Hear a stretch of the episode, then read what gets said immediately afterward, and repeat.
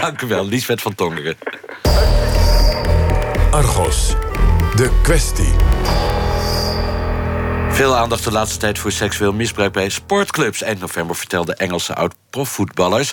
dat ze als minderjarigen werden misbruikt door hun trainer. Dat stimuleerde heel veel andere slachtoffers om hun verhaal te vertellen. Meer dan 500 potentiële slachtoffers hebben zich in Engeland gemeld. Een enorm schandaal daar. En dan vraag je je natuurlijk wel af, hoe zit het in Nederland? Vlak voor het Britse schandaal naar buiten kwam... maakte Argos een uitzending over de aanpak van seksueel misbruik... bij sportclubs in Nederland. Bij mij aan tafel Argos-redacteur Meike van Roosmalen. Waar ging jouw uitzending ook alweer over, Meike?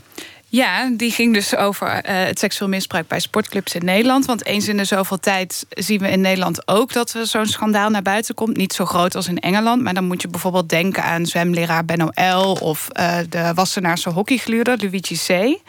En uh, nou ja, sinds er iedere keer iets gebeurde, gingen de officiële instanties nieuwe maatregelen treffen. En ik vroeg me af, werkt dat ook eigenlijk in de praktijk? Nou, dat ben ik dus gaan analyseren. Dat heb ik met deskundigen gedaan. Maar dat heb ik ook gedaan met uh, mensen die dat van dichtbij hadden meegemaakt. Dus ik heb bijvoorbeeld een man geïnterviewd die als minderjarige door zijn voetbaltrainer werd misbruikt. En nu pas op zijn 35ste met dat verhaal naar buiten durfde te komen. En ik ben bij een volleybalclub geweest waar ze een paar jaar geleden een trainer hadden die veroordeeld werd voor misbruik met minderjarigen. Zullen we even samen gaan luisteren naar een fragment uit jouw uitzending?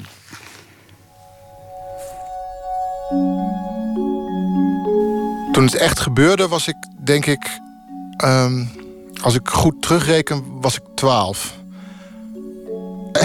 En wat hij dus tegen me zei, was van... ja, je moet je wel ontspannen, want anders dan lukt het niet. Die uitspraak die staat zo in mijn geheugen gegrift... dat je door die uitspraak ook weer terug kunt gaan. Wat je niet uh, graag doet natuurlijk... Naar dat, naar het moment dat ik als kind daar in dat kamertje lag. Ja, dan... Uh, dan komt het wel naar boven, ja. Dat, uh, dat doet wel heel veel pijn. Nog. Dat het zo weer naar boven komt. Uh, je, je, ziet jezelf dan, dan, je ziet jezelf dan liggen. En dan, dan wil je eigenlijk alleen maar tegen jezelf zeggen van... Weg. Wegwezen. Ga weg.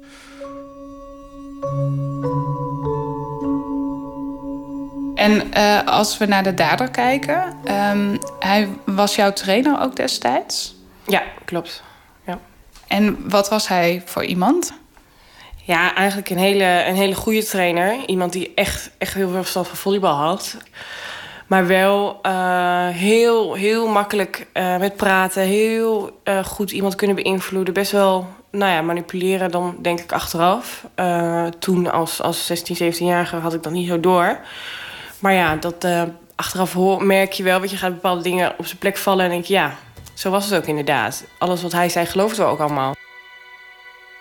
Al die maatregelen, dat zijn allemaal puzzelstukjes in het geheel om het, de professionalisering van het tuchtrecht, de invoering van aanklagers. Op al die stukjes wordt gewoon geschakeld. Maar er blijft gewoon nog een heel belangrijk uh, probleem: is dat um, de drempel voor slachtoffers om iets te melden ja, altijd, denk ik, best wel hoog zal zijn.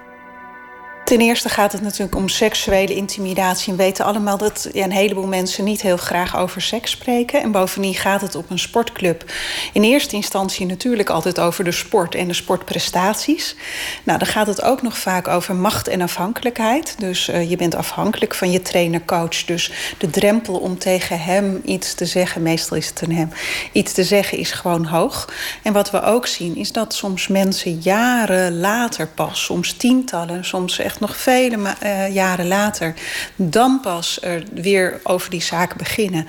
En dan toch weer gaan broeten en dan pas naar voren komen over wat er toen, soms misschien wel 30 jaar geleden, heeft gespeeld.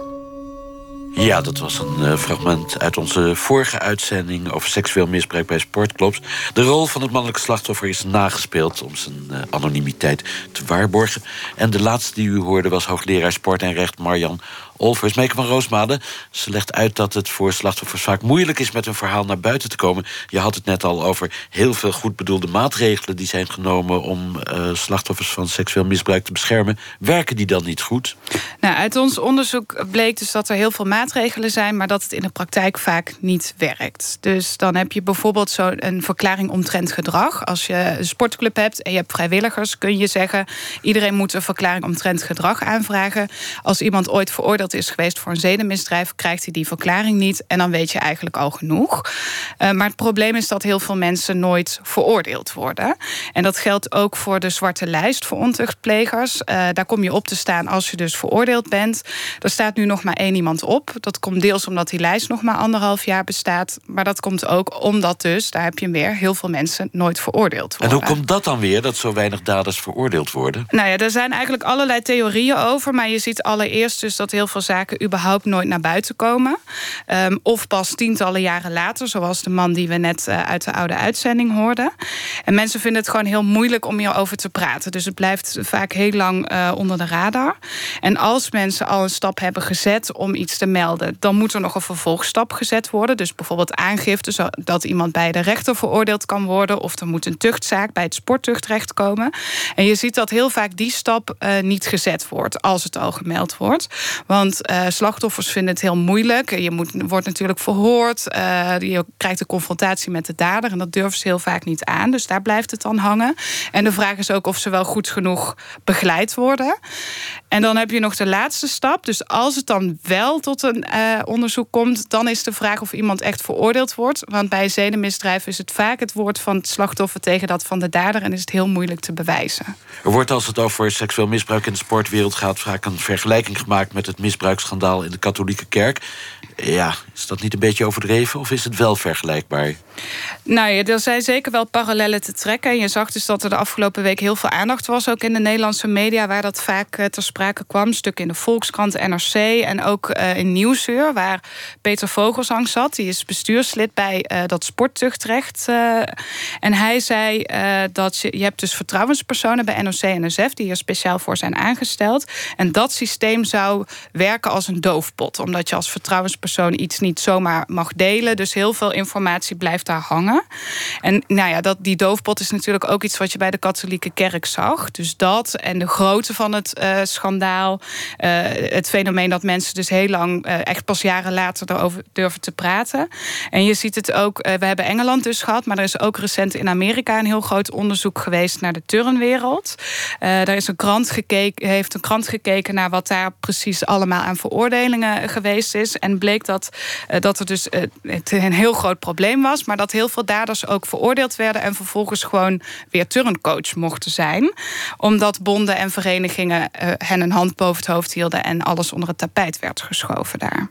Je hebt een uh, e-mailaccount uh, geopend, sportmisbruik.vpro.nl.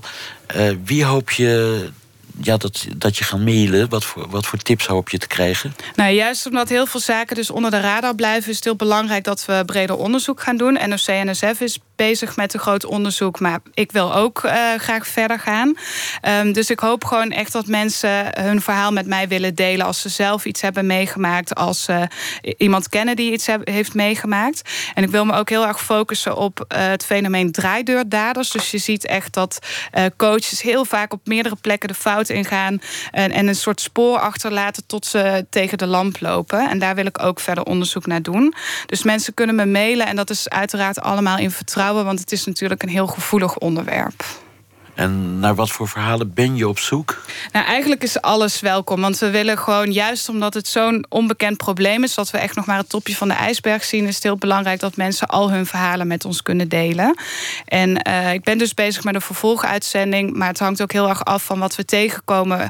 Uh, wat we daarin kunnen vertellen... en hoe we dat onderzoek verder uh, kunnen gaan doen. Nou, heeft u ervaring met seksueel misbruik in de sport... of kent u iemand die zoiets heeft meegemaakt sportmisbruik.vpro.nl. En zoals Meike zei, vertrouwelijkheid is uiteraard gewaarborgd. We gaan niks uitzenden zonder uw toestemming. Wanneer verwacht je je uitzending? Ik hoop zo snel mogelijk. Ik ga mijn best doen. Ik dank je wel en succes met je onderzoek. Dank je. Meike van Roosmalen. Volgende week is Argos te weer. Dan met een gesprek over opiniepeilingen en de invloed daarvan op de verkiezingen. Ook daarvoor zijn we op zoek naar mensen die in zo'n panel zitten van een onderzoeksbureau. Of misschien wel aan twee of drie van die onderzoeken meedoen.